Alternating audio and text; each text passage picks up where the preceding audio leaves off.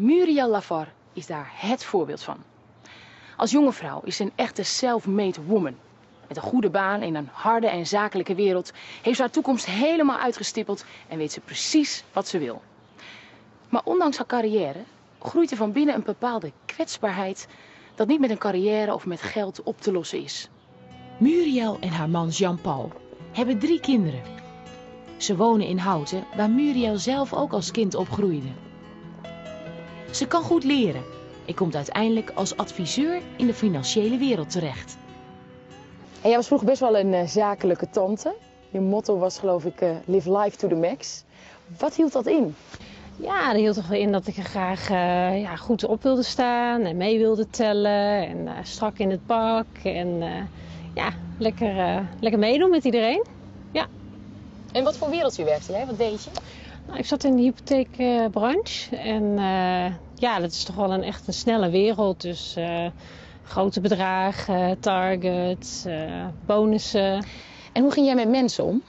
Ja, ik was niet zo'n aardige dame. Het was toch echt wel van, ja, we gaan het zo doen en, en op deze manier. En als dat je niet zint, ja, dan, dan heb je pech. Dan moet je maar even kijken, maar dan ben je misschien niet op je plek hier bij mij.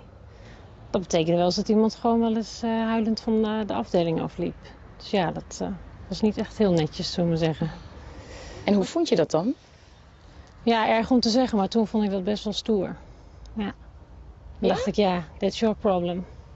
Misschien ben je dan niet op je plek hier misschien? Ja. Ja, dat is niet echt iets om trots op te zijn eigenlijk, hè? Nee. nee. Geloofde je in die tijd alleen in jezelf of ook in iets, iets hogers? Nou, in die tijd geloofde ik natuurlijk voornamelijk in mezelf. En uh, wat ik zelf allemaal kon presteren en kon neerzetten. Want dat had ik natuurlijk ook in de hand. Als Muriel haar eerste dochter krijgt, leidt dat tot een ingrijpende verandering in haar leven. Ja, je bent nu moeder en dat was zo dat verzorgende en dat zachte, dat was zo'n enorm contrast werd dat met uh, ja, toch die zakenvrouw die ik uh, altijd wilde zijn. Mm -hmm. Dat gaf enorm veel stress. Ja, het echt. Uh, oh, ik, ik ben moeder en ja, ik kan doodgaan. En, en, dit kindje dan. En dat kindje kan ook doodgaan. Dus er kwam een hele stuk kwetsbaarheid naar boven. Waar ik echt eigenlijk geen raad mee wist. Ja, en dan die onzekerheid daarbij. Van ja, waar ben ik hier eigenlijk voor in het leven? Buiten die gezellige zakenvrouw. Ja, dat, daar kon ik gewoon geen, eh, geen uitweg meer mee vinden. Dus ja, ik ging de trein niet meer in, ik ging de straat niet meer op. Uh, durfde op een gegeven moment s'nachts niet meer naar bed. En ik dacht dat ik gek werd. En, uh, ook niet meer naar bed? Durfde je niet meer naar bed? Nee, slapen ging ook niet meer. Ja, en dan kom je soms... Ook al was Jean-Paul bij je? Ja, dat maakt allemaal niet meer uit. Dus ik kon nergens zeg maar uh, een bodem vinden of een antwoord vinden op mijn leegte die zo aan het ontstaan was. Van wow, ik herkende mezelf helemaal niet meer terug. Ik heb altijd geroepen, nou, er zal maar één ding nooit gebeuren. En dat is overspannen zijn. En daar zat ik met mijn uh, hele mooie opgebouwde wereldje. Uh, eigenlijk helemaal aan de grond, want ik durfde nergens meer naartoe. En jij was hulpmoeder op de peuterspeelzaal van je dochter, of in ieder geval waar je dochter vaak naartoe ging. En daar heb je iets bijzonders meegemaakt. Ja, dat klopt. Ja, uh, de peuterspeeljuf van mijn dochter, die, uh, ja, dat was een hele gelovige vrouw. En op een gegeven moment zei die peuterspeelsteeljuf ook wel tegen mij van... Uh, nou, je hebt zoveel vragen. ja, er is wel een soort cursus over het christelijk geloof. Nou ja, misschien moet je daar eens een keer gaan kijken. Dan hebben ze een introductieavond. En dan krijg je een beetje een, ja, wat meer informatie waar het christelijk geloof nou echt over gaat. Toen dacht ik, oké, nou, dat vond ik toch wel een paar stappen te ver. Dus ik geloof ik nog een keer of vijf moeten uitnodigen voordat ik echt een keer een stap ging zetten om daar naartoe te gaan. Mm -hmm. Ja. Muriel raakt steeds meer gefascineerd door het christelijk geloof en volgt vol enthousiasme de Alpha-cursus. Ze ziet wel erg op tegen het afsluitende weekend, maar besluit toch te gaan en laat zelfs voor zich bidden ja, ik was natuurlijk altijd wel in voor de, voor de nieuwe dingen. Dus ik dacht, weet je wat? Ik ga ook voor me laten bidden. Want uh, Ja, dat weekend was ik ook weer heel erg angstig. Ik had echt ook weer zo'n drempel om, uh, om daar naartoe te gaan. Want het was ver weg en ik moest weer met een trein en nou ja, allemaal toestanden. Mhm. Dus ik was heel erg gespannen en uh, nou, de mensen gingen voor mij bidden. En op dat moment voelde ik zo'n enorme rust over me komen. Die ik niet kon verklaren en die ik echt al maanden niet meer ervaren had. had het misschien wel jaren zelfs. Het was echt of God op dat moment tegen me zei: Ik ben er voor jou. En ik besta echt. En het was voor mij echt. Er gebeurde echt iets met mij. Ik wist ook gewoon van dit is, moet iets anders zijn dan wat ik tot nu toe van mensen en situaties heb ervaren. Ja. Wat merkte jij daarna? Wat was er veranderd? Vanaf die, gebeurtenis kreeg ik meer vertrouwen in het leven. Ik kreeg weer uh, hoop. Ik uh, kreeg weer wat meer blijdschap. En gaandeweg ja, kwam ik toch uit dat zwarte gat waar ik in zat. Vanaf dat moment krabbelde ik daar wel weer uit. Het is een beetje een keerpunt geweest. Van heel erg angstig naar weer van hé, hey, ik sta weer ergens op en ik kan weer vooruit. Yes. In hoeverre is zij veranderd? Qua karakter? Ja, Mur is wel veranderd. Ja? Ze is wel Muriel van vroeger nog. Hm? Daar ben ik wel heel blij om. Dat ik toch wel veel van haar herken in hoe ze vroeger was. Hoe dan? Wat dan? Nou, Muriel was gewoon Muriel, een pittige tante. Die altijd wel haar woordje klaar had. Nu toch wel meer nadenkt over wat ze zegt en wat ze doet.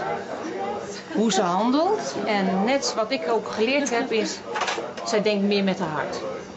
En praat meer met haar hart. Daarom is ook mijn dochter. Mooi. Oh, oh, het Ja. ja. Ja, dat is mooi om te horen. Natuurlijk van je eigen moeder. Mm Maar uh, ja, dat vooral dat met je hart. Dat was natuurlijk een stuk van mij wat ja, misschien altijd wel aanwezig is geweest. Maar dat ik zo bezig was van mezelf te profileren en mee te willen doen met de rest. Ja. Dat het hartstuk voor mij toch wel echt ondergesneeuwd is geraakt. En dat juist door ja, met God op weg te gaan, dat ik weer heb gemerkt hey, dat stuk van jou mag er ook zijn. En ja, dat is een hele ontdekkingsreis. Een hele ontdekkingsreis.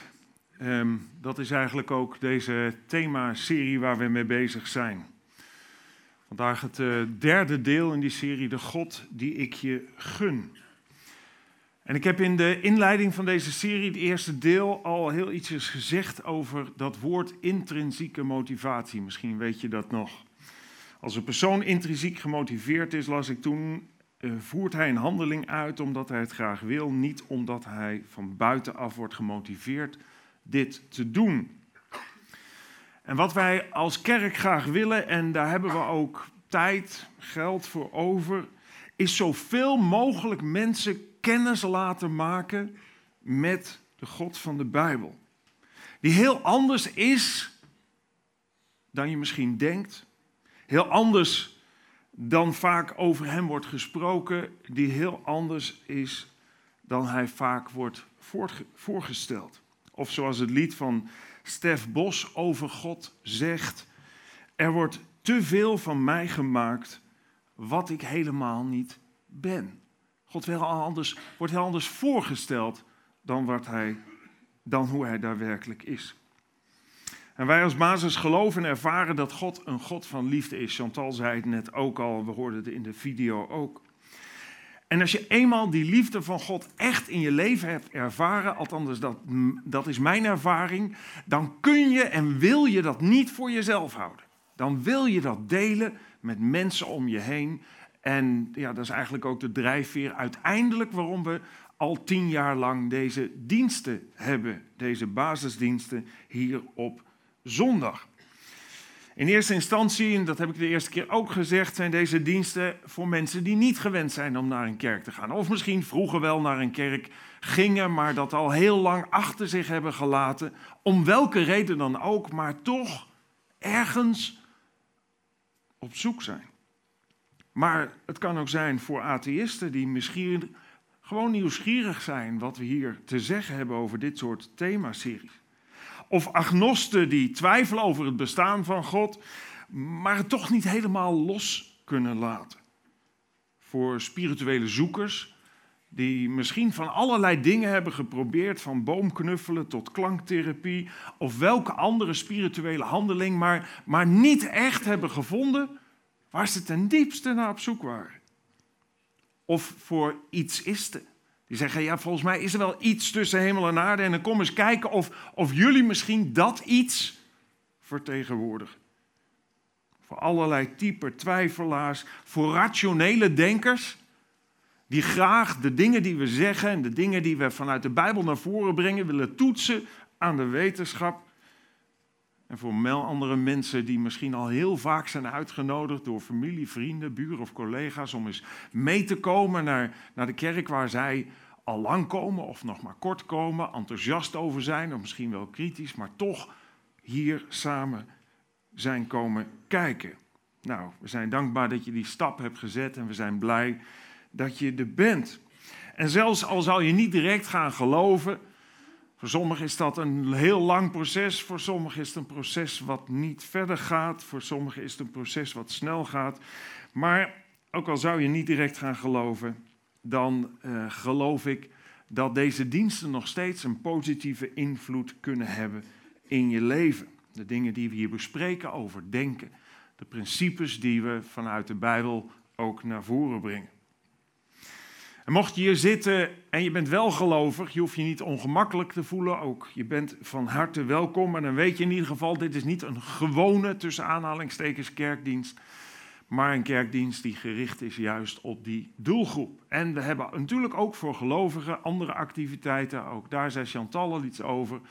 Maar onder andere op woensdagavond in kleine groepen, de at-homes, de andere woensdag, de basismeeting hier in hetzelfde gebouw, waar we dieper ingaan op de Bijbelse uitgangspunten en daarover meer leren. Daar ben je natuurlijk ook van harte welkom. Vandaag is het thema De God die ik je gun transformeert je hart. Nou, transformatie, weer een moeilijk woord, waarschijnlijk ken je het. Het komt van het Latijnse woord transformare. Trans geeft een beweging van naar aan. Het betekent letterlijk naar de overkant of naar gene zijde. Uh, dat, dat gedeelte, dat trans, komt ook voor in het woord bijvoorbeeld transport, hè, waar het van de ene naar de andere plaats wordt gebracht. Transponeren, misschien wel eens van gehoord. Hè, muziek die je van de ene toonsoort in de andere toonsoort zet. Transformator, hè, ook wel eens gehoord, de ene voltage naar de andere voltage, afgekort trafo. En formare betekent vormen Dus eigenlijk betekent transformatie letterlijk eh, verandering van vorm. Verandering van vorm. En we hebben het vandaag over de transformatie van je hart. De God die ik je gun, transformeert je hart. En dat bedoelen we natuurlijk niet letterlijk, maar dat bedoelen we figuurlijk. Eigenlijk komt het neer op de verandering van denken wat uiteindelijk leidt tot een verandering van je doen en laten en van je zijn. De God die ik je gun, transformeert je hart, wil eigenlijk iets in jou uitwerken, in jouw denken, wat ook doorwerkt in je handelen en in je zijn. En waarom is het nodig dat je denken verandert? Nou, omdat je huidige denken, wanneer je niet gelovig bent of geen relatie met God hebt, um, je huidige denken is dan een blokkade om echt gelukkig te worden. En ten diepste is dat iets wat we zeker met elkaar delen. Of je nou gelovig bent of niet, we willen allemaal graag gelukkig zijn. Maar dat denken is ook een blokkade om je bestemming te vinden. Een blokkade om de zin van het leven te begrijpen, ook al denk je er misschien over na. En een blokkade om onvoorwaardelijke liefde, vrede, rust en hoop. Een fundament, een basis noemde zij het net in het filmpje, om dat te vinden. Dan kun je zeggen, nou dat zijn nogal grote woorden en ik zou dat ook niet durven zeggen als het niet ook mijn eigen ervaring is in mijn eigen leven het zo ervaren heb. We zagen net uh, op de video eigenlijk hetzelfde verhaal en ik heb honderden mensen ditzelfde verhaal horen vertellen. Er zijn ontzettend veel mensen op zoek. Dat zie ik steeds weer om me heen. Op zoek naar zingeving, op zoek naar liefde, op zoek naar hoop. Er zijn eigenlijk heel veel mensen op zoek naar transformatie van het hart en van ons denken. En het aanbod is eindeloos groot.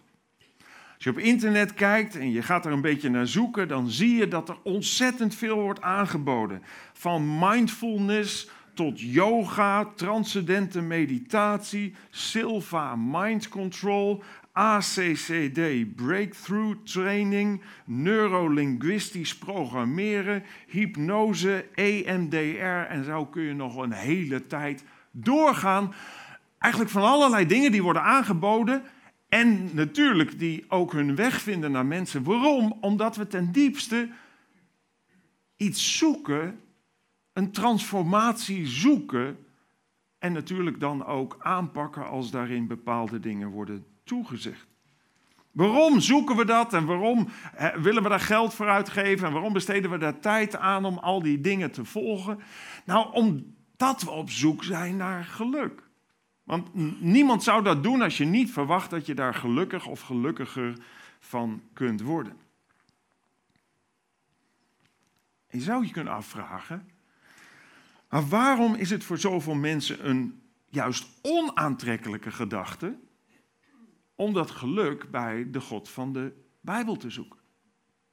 Nou, ik heb daar in de eerste dienst al heel wat over gezegd, maar samengevat komt het erop neer dat God vaak wordt gezien of voorgesteld juist als een, als een heerser. Die de mens wel wil veranderen, maar om de mens aan zichzelf te onderwerpen, om de baas te kunnen spelen, om je te kunnen onderdrukken. Of om marionetten van de mens te maken die vooral uh, niet meer mogen doen wat ze willen doen en vooral dingen moeten doen die je niet wil doen omdat God wordt voorgesteld dat hij doet om er zelf beter van te worden. En ga zo maar door, maar niets minder, niets is minder waar dan dat. God wil je hart transformeren, zodat je in staat zult zijn het geluk te vinden waar je ten diepste naar op zoek bent. Het zal je niet verbazen dat ik geloof in God dat ik in mijn eigen leven die transformatie heb ondergaan en die liefde van God heb leren kennen. Maar ik geloof ook dat er een andere macht is en die heb ik in mijn leven ook leren kennen. Die het doel heeft om de mens van God af te houden en de mens af te leiden, zodat je overal terechtkomt. Het maakt niet uit waar, als het maar niet is bij de God van de Bijbel en de weg naar God toe die wil vasthouden. En de Bijbel zegt over deze tegenstander van God het volgende. De duivel, zo wordt hij genoemd, of de Satan, is vanaf het begin een moordenaar geweest. Hij heeft nooit aan de kant van de waarheid gestaan, omdat er geen waarheid in hem is. Wanneer hij leugentaal spreekt, spreekt hij zoals hij is. Want hij is een aardsleugenaar. Hij is de vader van de leugen. En hij wil de mens graag verleiden met wat dan ook. Om te zorgen dat we juist die weg van God niet vinden. Dus hij stelt zoveel als mogelijk God en Jezus in een kwaad daglicht. En hij stelt zoveel mogelijk andere wegen voor om uiteindelijk ons diepe zoektocht en diepe verlangen naar geluk te vervullen. Maar wat maakt een mens echt gelukkig? Is dat geld? Nou, dat weten we. En toch wordt het op een, een of andere manier heel aantrekkelijk voor ons gemaakt. Is het macht? Nee, macht is het ook niet. Is het seks? Is het kennis? Is het kunst? Is het religie? Nee, al die dingen, hoe aantrekkelijk ze misschien ook klinken of zijn of eruit zien, uiteindelijk is het toch een soort van surrogaat, want niets van al deze dingen maakt de mens echt gelukkig. Eigenlijk, en er is vriend en vijand het over eens, eigenlijk is er maar één ding wat ons echt gelukkig maakt en dat is liefde. Relaties, onvoorwaardelijke liefde. Dat is hetgene waar we ten diepste naar op zoek zijn en wat ons ten diepste bevrediging geeft. En dat is ook de reden waarom we niet in staat zijn om zonder God gelukkig te worden. Zonder de God van de Bijbel gelukkig te worden. Want wat staat er in die Bijbel? Daar staat: God is liefde. Daar staat niet God is lief of God doet lief, maar God is liefde. Volgeling van Jezus, die schrijft hier uh, verder over: God is liefde en wie in de liefde blijft, uh, wie blijft in de liefde, blijft in God en God in hem. Eigenlijk zou je kunnen zeggen, alles wat buiten God omgaat, is geen echte liefde. En hoe weet ik dat? Ja, dat is mijn eigen ervaring. Het is een soort surrogaat. Het geeft je niet de bevrediging die je zoekt, slechts een tijdelijke of een gedeeltelijke. En dan moet je zoektocht weer verder gaan. Maar God is liefde. En wie blijft in de liefde, blijft in God en God in Hem. Dat is eigenlijk het ultieme geluk, het ultieme thuiskomen. Ik wil zeggen, maar waarom hebben we dat geluk dan niet gewoon allemaal, als het zo simpel is? Nou, daar zegt de Bijbel ook het een en ander over.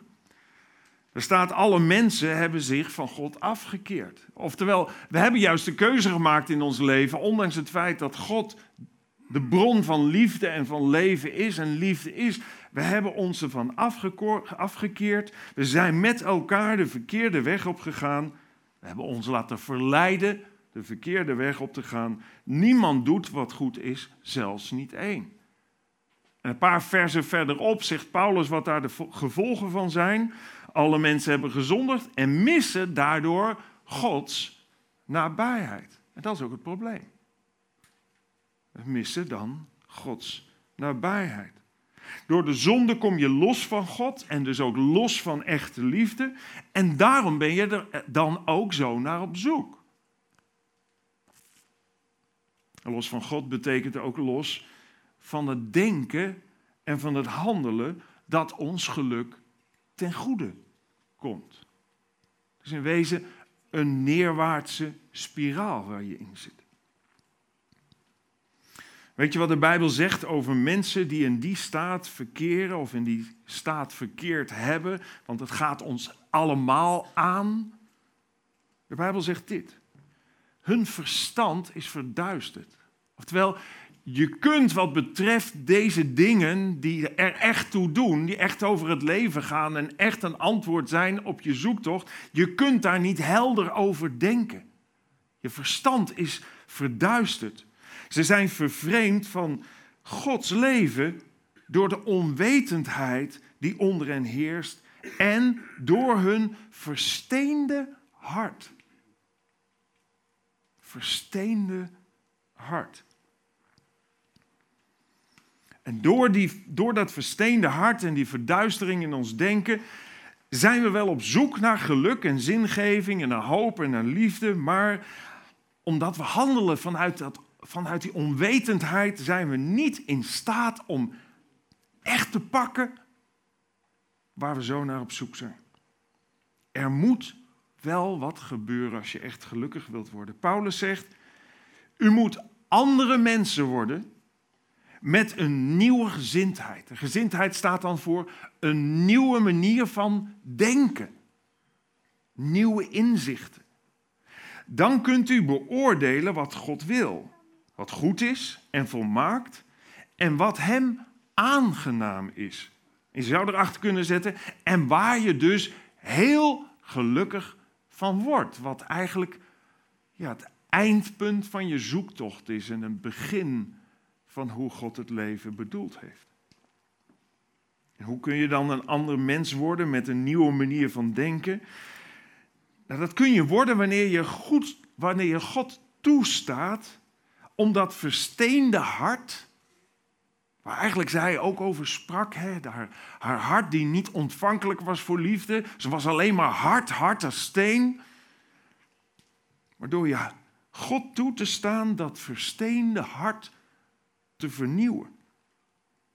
Tegen het volk Israël, dat net als wij allemaal loskwam, loskwamen van God door de zonde, zei God: Als je bereid bent om, om een andere keuze te maken, om mij toe te laten in je leven, dan gaat er wat veranderen. En wat dan? Nou, dat lezen we in een heel oud Bijbelboek. Daar staat dat God zegt: Ik geef jullie een nieuw hart. Dus dat stenen hart, geef dat maar aan mij. Ik geef je een nieuw hart, een nieuwe geest zal over jullie komen.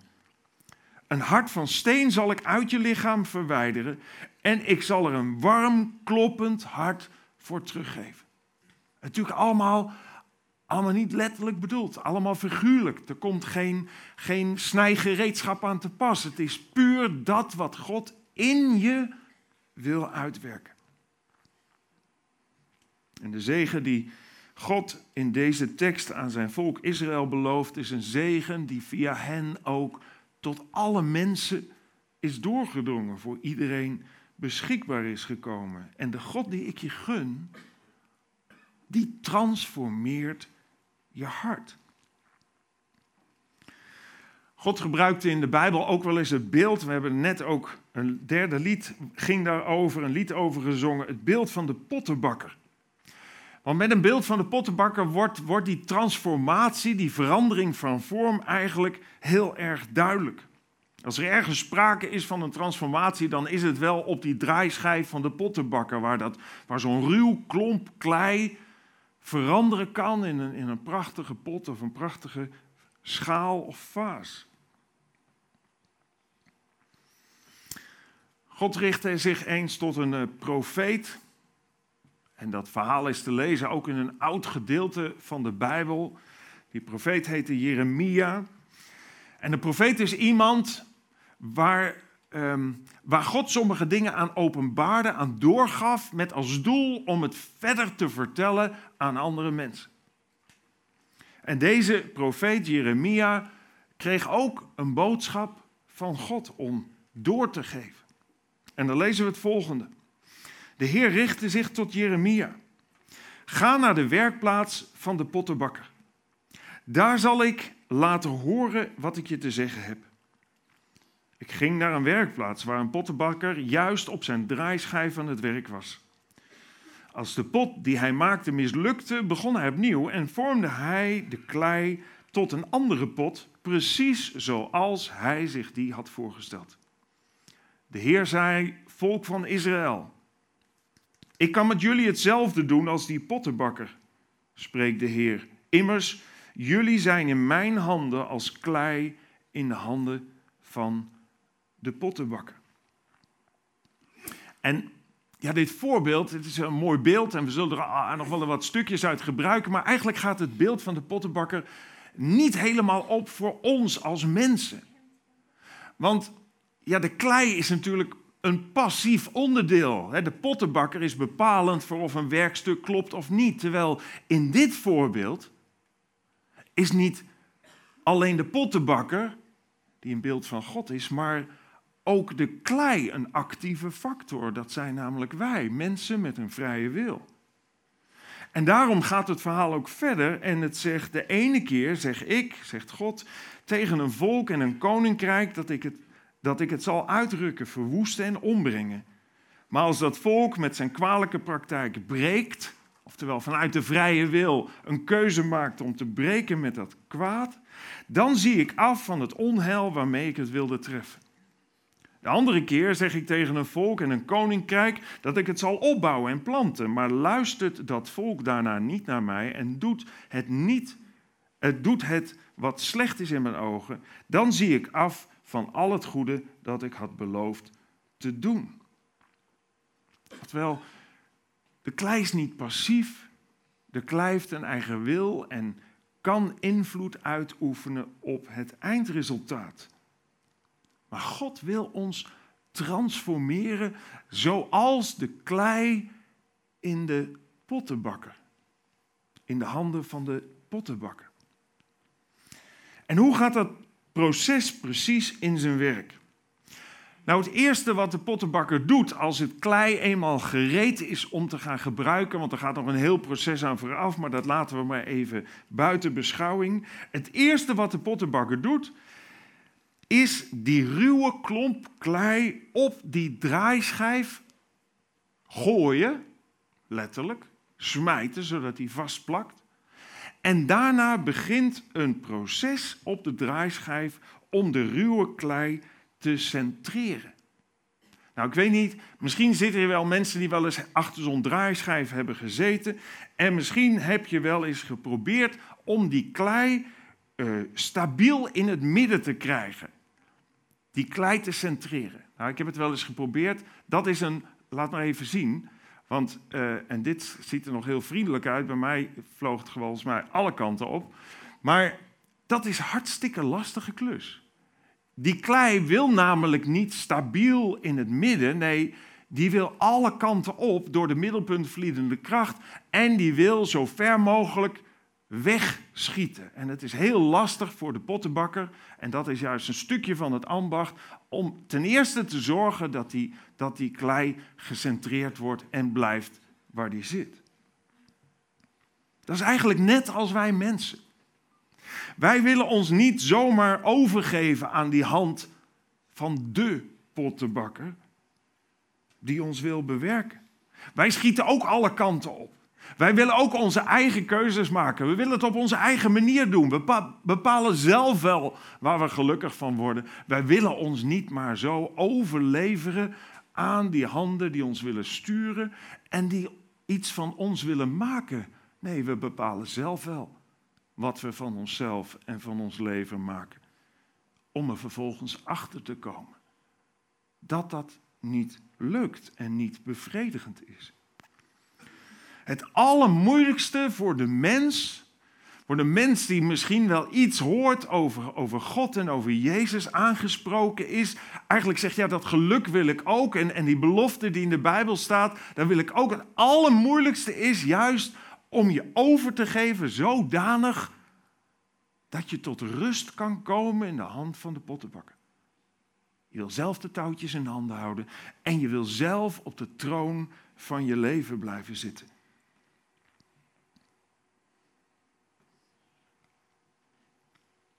Maar God heeft een doel voor ons leven en dat begint met die rust, die stil, dat stilstaan, dat over jezelf overgeven. Als die, als, als die klei eenmaal gecentreerd is, dan maakt het niet uit hoe hard die draait. Je ziet het niet eens meer. Het lijkt alsof het helemaal, helemaal tot rust is gekomen. Het, het wiebelt niet meer, het beweegt niet meer. En dan is het klaar om mee verder te gaan. En de pottenbakker wil daar dan iets uit formeren. Iets wat hij al lang in jou ziet. Wat God al lang in je ziet. We lazen net ook dat hij het wil precies zoals hij zich die had voorgesteld. God wil van je maken wat hij voor je in petto heeft. Hij wil dat je tot, tot je doel komt, tot zijn doel komt. En daarom moet dat beginnen vanuit die overgave. En weet je wat de pottenbakker vervolgens doet? Als je die overgave, als je je hebt overgegeven, dan drukt hij zijn vingers in het midden van die ronddrukkende, eh, ronddraaiende klei en maakt daar een ruimte. En dat is het begin van het formeren van een pot of van een vaas. En weet je hoe dat heet? Dat heet de klei een hart geven. De klei een hart geven. Hé, hey, dat lazen we net eigenlijk ook. Ik geef jullie een, een nieuw hart. Een nieuwe geest zal over jullie komen. God wil ons een nieuw hart geven, wat eigenlijk het begin is van worden zoals God je heeft bedoeld. Tot je doel komen in je leven. Vanuit die ruimte, vanuit dat nieuwe hart ontstaat de prachtige persoon in de vorm die God altijd voor jou in gedachten heeft gehad en voor de toekomst heeft. Want vanuit dat hart verandert je denken, je handelen, je doen en je zijn. Dat zorgt voor die verdere transformatie en daar word je heel gelukkig van. Vandaar dat Paulus ook zegt: word niet gelijkvormig, word niet aan deze wereld gelijkvormig. Oftewel, blijf niet zo'n lompe klomp klei die alleen maar zijn eigen kant op wil en denkt dat hij alles zelf kan regelen. Nee, maar geef je over en word innerlijk veranderd door de vernieuwing van je gezindheid, door de vernieuwing van je denken. Om te kunnen onderscheiden wat de goede, welbehagelijke en volmaakte wil van God is. En waarom, waarom is God bereid om dit proces te gaan? Waarom zegt God niet gewoon: oké, prima. Als jij het wil op jouw manier, doe het lekker op jouw manier. Ik doe er geen moeite mee, geen moeite voor. Ik pak wel een stuk ander klei en je gaat maar een kant op. Wat is nou de drijfveer van God om ons te zoeken? Om, om, om net zo naar ons op zoek te gaan als, als, als, als een pottenbakker die de goede klei zoekt om dat moois te maken. Nou, eigenlijk zegt dat, wordt dat gezegd in de eerste woorden van een bekend Bijbelvers. Daar staat: God had de wereld zo lief. Vul je eigen naam maar in. God had jou zo lief. Liefde is de drijfveer. Liefde is niet alleen de aard, de identiteit van wie God is. Liefde is ook de drijfveer waarvan uit God handelde om ons te bereiken. Niet alleen te bereiken, maar ook om ons te maken zoals Hij heeft bedoeld. En die tekst gaat verder. God had de wereld zo lief dat Hij zijn enige zoon heeft gegeven, opdat ieder die in Hem gelooft niet verloren gaat. Niet voor altijd ehm, blijft wat je niet wil zijn, blijft waar je niet gelukkig van wordt, niet voor altijd van God gescheiden zal zijn, niet voor altijd van de bron van liefde en leven gescheiden zult zijn, maar eeuwig leven hebt. Dat je uiteindelijk tot je doel zult komen. En dat je uiteindelijk het geluk zult ervaren wat God voor je in petto heeft. God heeft zijn zoon niet naar de wereld gestuurd om een oordeel over haar te vellen, maar om de wereld door hem te redden. Jezus kwam naar deze wereld om te sterven voor onze zonde, om datgene wat als blokkade tussen God en ons instond weg te nemen, de prijs te betalen voor onze zonde en het mogelijk te maken dat God zijn proces van formeren, zoals Hij ons heeft bedoeld, kan beginnen. Dat Hij ons kan centreren, tot rust kan brengen. Ons een nieuw hart kunt, kan geven en ons kan vormen zoals Hij heeft bedoeld. En in dit geval bieden resultaten uit het verleden wel garantie voor de toekomst. Want dat wat Jezus heeft gedaan, biedt garantie voor de toekomst. En die zekerheid ontvang je ook als je je aan God overgeeft. Dan is dat geen twijfel meer, niet het zou kunnen, maar misschien niet. Nee, dat is een zekerheid die God in je hart geeft. Door het aanvaarden van het offer dat Jezus bracht voor onze zonde, gaat dat proces in werking. En ga je net zoals als, als de vrouw op de video merken, er verandert daadwerkelijk iets. Hij wil ons denken veranderen, zodat ook ons handelen en ons zijn veranderen kan, zodat we ten diepste gelukkig kunnen zijn. Gelukkig, zelfs in een wereld die nog beheerst wordt door dood en ellende, door ziekte en door pijn. En waarom kun je dat geluk daar toch in vinden? Omdat er hoop is. Omdat er perspectief is op een tijd die komen gaat waar God niet alleen de mens die hem volgt en gehoorzaamt transformeert, maar een tijd waarin God ook de wereld waarop we leven heeft getransformeerd tot het doel wat hij met deze wereld had. En dat is ook de hoop die God je geeft. Ook al is het leven soms nog moeilijk, of je nou tot geloof gekomen bent of niet, we sterven nog steeds, we worden nog steeds ziek, we hebben nog steeds met moeite en pijn en tegenslag te maken, maar niet zonder dat er troost is, niet zonder dat er hoop is, niet zonder dat er vergeving is. Al die dingen die al het fundament en de basis in je leven leggen voor het geluk, ontvang je. Maar er is een belofte die nog veel verder gaat.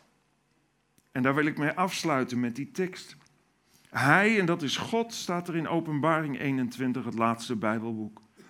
Hij zal alle tranen van hun ogen afwissen. Hun, dat zijn de mensen die die keuze hebben gemaakt om zich over te geven aan God en het offer van Jezus te aanvaarden. Hij zal alle tranen van hun ogen afwissen. En er zal geen dood meer zijn. Van verdriet, rouw en pijn zal geen sprake meer zijn. Dit hoorde allemaal bij de oude wereld en die is voorgoed voorbij. Die was misvormd door het kwaad. Maar God formeert een nieuwe wereld. Hij die op de troon zat, zei: Ik maak alles nieuw. En hij zei tegen mij, dat is Johannes, die deze openbaring van God kreeg: Schrijf het allemaal op, want wat ik zeg is waar en betrouwbaar. Wil jij jou overgeven in de handen van de pottenbakker? Wil jij zo de touwtjes loslaten dat God je kan centreren, een nieuw hart kan geven en je kan formeren tot het doel wat Hij heeft voor je leven? Die keuze kun je maken door dat eenvoudig tegen God te zeggen. En God, ik realiseer me dat ik, dat ik een zondaar ben, dat ik ook bij de liefde weg ben gegaan. Maar ik verlang ernaar om te zijn zoals u me heeft bedoeld. Ik verlang ernaar om gelukkig te zijn en niet alleen hier en nu, maar over de grens van de dood die nieuwe wereld te leren kennen, waar u, Heere God, bent, waar geen dood en verdriet en pijn meer zal zijn. Dan kun je dat tegen God zeggen. Hier, misschien tijdens het gebed, ik geef zo gelegenheid om in stilte een gebed voor jezelf te bidden. Misschien onderweg naar huis of vanavond als je in bed ligt of morgen als je op je werk zit, overal hoort God je. Als je dit tegen hem zegt, dan maakt God zijn belofte waar. Dat hij je een nieuw hart wil geven. Niet langer een hart van steen, maar een hart van vlees. Zullen we bidden? Dank u wel voor uw belofte, Heere God. En dank u wel dat, dat het in zoveel mensenlevens en iedere keer opnieuw weer blijkt dat u betrouwbaar bent, bent en wat u zegt dat u dat ook doet. Ik heb dat ervaren in mijn eigen leven. We zagen het net op de video. We zien het in het leven van zo verschrikkelijk veel mensen. Duizenden, miljoenen mensen. Heer, en u heeft het voor ons allemaal in petto. U strekt uw hand naar ons allemaal uit en zegt: Kom, ik hou van je. Mag ik van jou maken zoals ik je heb bedoeld? Zodat je een bodem zult hebben in je leven. Zodat ik je een nieuw hart kan geven. Zodat ik je kan vormen. Zodat je echt gelukkig zult zijn en zelfs over de grens van de dood, perspectief zult hebben. Heer, u kent ons allemaal zoals we hier zitten, hoofd voor hoofd. U kent ons hart. U ziet het, Heer, wanneer ons hart van steen is. En ik wil u bidden, Heer, of u ja, onze persoonlijke gebeden wilt horen. Als we straks een moment stil zijn, dat ieder voor zichzelf dat aan u kan uitspreken. Het verlangen wat we hebben. De overgave waarvoor we willen kiezen. En de uitnodiging aan u om ons nieuw leven te geven. Omdat we het offer van de Heer Jezus aanvaarden wat Hij bracht voor onze zonde. En de Heer Jezus aanvaarden als de enige weg terug naar u. Heer, hoor ons gebed.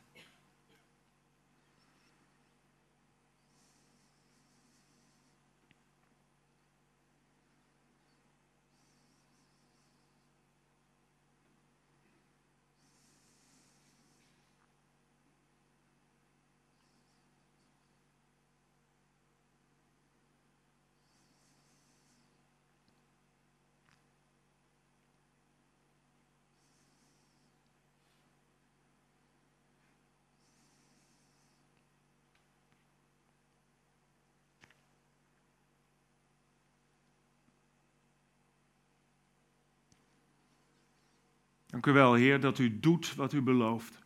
Dat wil ik u ook bidden, Heer, voor de mensen die u hebben uitgenodigd. Heer, kom in hun hart. Verander hun hart. Maak waar wat u zegt in uw woord. Heer, zodat we veranderde, getransformeerde mensen worden naar het beeld wat u voor ons heeft. Heer, dat ontvangen we van u zomaar, niet omdat we het verdienen, we hebben er geen recht op. Het is uw genade die u ons geeft en daar willen we u voor danken. Amen.